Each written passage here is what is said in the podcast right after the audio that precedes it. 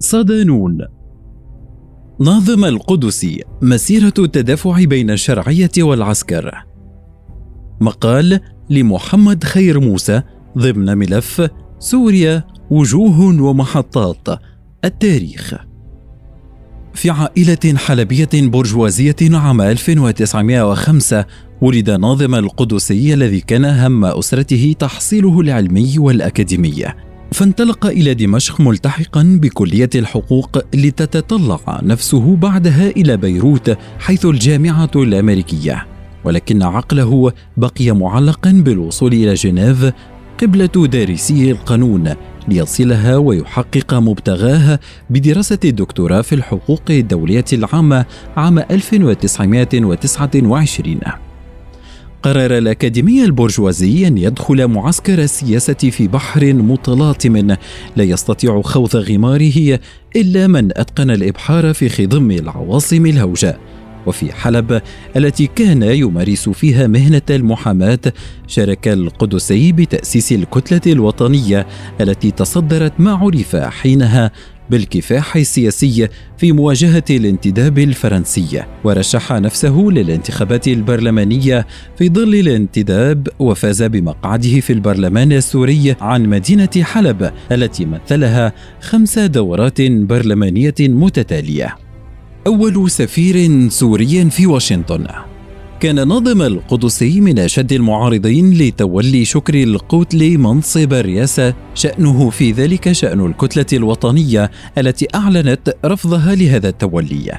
فيما كان من الرئيس القوتلي إلا أن أصدر قرارا بتعيين ناظم القدسي أول سفير لسوريا في الولايات المتحدة الأمريكية ليسافر إلى واشنطن ويقدم أوراق اعتماده أمام الرئيس الأمريكي فرانكلاين روزفلت. يوم التاسع عشر من مارس آذار 1945 في واشنطن التي وصلها القدسي كان عليه أن يختار مبنى للسفارة السورية. فاشترى مبنى تاريخيا من ثلاثة طوابق تعود ملكيته لعائلة الرئيس الأمريكي ويليام هاورد تافت ليغدو هذا المبنى مقرا للسفارة السورية وعند قيام الوحدة السورية المصرية. تحول المبنى بشكل آلي لمقر سفارة الجمهورية العربية المتحدة ولكن هذا المقر بعد الانفصال بقي لصالح مصر. واستمر ذلك إلى أن أعيدت العلاقات الدبلوماسية بين دمشق وواشنطن عام 1974 فأعادته الخارجية المصرية إلى الخارجية السورية ليعود مجددا مقرا للسفارة السورية. وبعد أقل من شهر على توليه السفارة في واشنطن انضم القدسي إلى الوفد السوري في المؤتمر التأسيسي للأمم المتحدة. في مواجهة الانقلاب العسكري عام 1947 كان القوتلي من أبرز المؤسسين لحزب الشعب مع رشد الكيخيا وكان همه من ذلك بالدرجة الأولى حينها مواجهة الحزب الوطني الذي كان أبرز الداعمين للرئيس شكري القوتلي في ذلك الوقت. وكان القدسي من أشرس المعارضين للقوتلي في البرلمان السوري. بقي القدسي وهو في الإقامة الجبرية يعلن رفضه للانقلاب العسكري ولسلطة حسن الزعيم لسياسته المتهورة. في التاسع والعشرين من مارس آذار 1949 أطاح حسني الزعيم بالرئيس شكري القويتلي بانقلاب عسكري. فسارع ناظم القدسي إلى إعلان رفض هذا الانقلاب العسكري. أصدر حسني الزعيم قرارا يكلف فيه ناظم القدسي بتشكيل الوزارة فأعلن القدسي رفضه الحاد لهذا التكليف معتبرا أن استلام الزعيم للسلطة باطلا كونه جاء بانقلاب عسكري أطاح بالحياة الدستورية في البلاد. فاعتقل حسني الزعيم ناظم القدسي وزج به في سجن المزز وزج به في سجن المزة وزج به في سجن المزة وبقي فيه فترة وجيزة إلى أن قبل الزعيم عددا من الوساطات فأخرجه ليغدو رهن الإقامة الجبرية في منزله بحلب. بقي القدسي وهو في الإقامة الجبرية يعلن رفضه للانقلاب العسكري ولسلطة حسن الزعيم لسياسته المتهورة لا سيما إغلاقه الحدود من الأردن والعراق واعلانه عزمه شن الحرب عليهما بدعوى عمالتهما للبريطانيين. في تلك الفترة رأى عامة السياسيين السوريين الرافضين لانقلاب الزعيم ومنهم القدسي أن مصلحة البلاد تكمن في الإطاحة بالزعيم بأي شكل من الأشكال ولو كان انقلابا عسكريا جديدا. عندما أطاح سامي الحناوي بحسن الزعيم بانقلاب عسكري في الرابع عشر من أغسطس آب 1949 سارع القدسي لمساندة ذلك الانقلاب كونه يخلص سوريا من سطوة وبطش وتهور حسن الزعيم من جهة ولأن سامي الحناوي قريب جدا من حزب الشعب وتوجهاته السياسية من جهة أخرى. في مواجهة العسكر مجددا. بعد الانقلاب دعا سامي الحناوي الرئيس هاشم الأتاسي الذي كان قد أعلن اعتزاله العمل السياسي للعودة عن تقاعده وتشكيل حكومة مؤقتة تشرف على انتخابات من شأنها استعادة الحكم المدني. فامتثل الأتاسي لطلب الحناوية وكلف ناظم القدسي بتشكيل الحكومة. في ديسمبر كانون الأول من عام 1949 شكل القدسي حكومته التي أعلن العسكر رفضهم الشديد لها كونها لا تحتوي على أي شخصية عسكرية ولأن القدسي بذلك أراد إبعاد العسكر عن الحياة السياسية واضطرت الحكومة للاستقاله بعد خمسة أيام فقط من تشكيلها. بالرابع من يونيو حزيران 1950 شكل القدسي حكومة جديدة وحاول تأمين موافقة المعارضة بتعيين فوزي سلو اليد اليمنى لأديب شيشكلي وزيرا للدفاع. وبعد عشرة أشهر عجز فيها القدسي عن تحقيق أهدافه بالوحدة مع العراق بسبب تكبيل العسكر له. استقال من الوزارة في السابع والعشرين من مارس آذار 1951 ليتم انتخابه في الأول من أكتوبر تشرين الأول من العام نفسه ناطقا باسم البرلمان. عارض القدسي بشدة الوحدة مع مصر كونه كان ضد توجهات عبد الناصر والتحالف مع الاتحاد السوفيتي. في الثامن والعشرين من نوفمبر تشرين الثاني 1951 استولى أديب الششكلي على السلطة بانقلاب عسكري وعين فوزي السلو رئيسا مؤقتا للجمهورية وأرسل القدسي إلى سجن المزة بتهمة التآمر على النظام الجمهوري في سوريا ومحاولة إقامة ملك ومحاولة إقامة ملكي عميل لبريطانيا.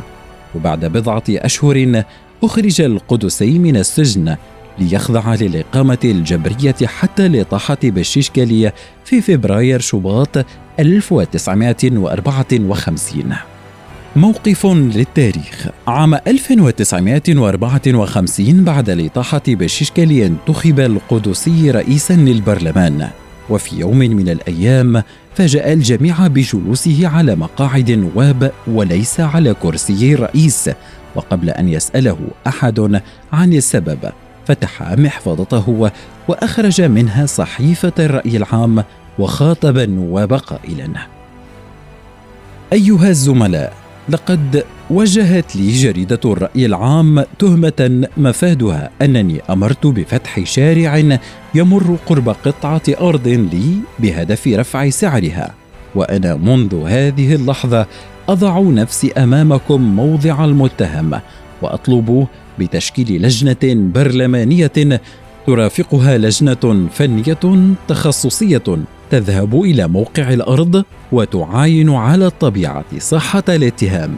فإن ثبتت التهمه أطلب منكم رفع الحصانة عني وتقديمي إلى المحاكمة. وفعلا كان ما طلبه القدسي فتشكلت اللجنة وعاينت الموقع المذكور ورفعت تقريرها إلى البرلمان بإثبات بطلان التهمه عندها وقف ناظم القدسي مخاطبا البرلمان.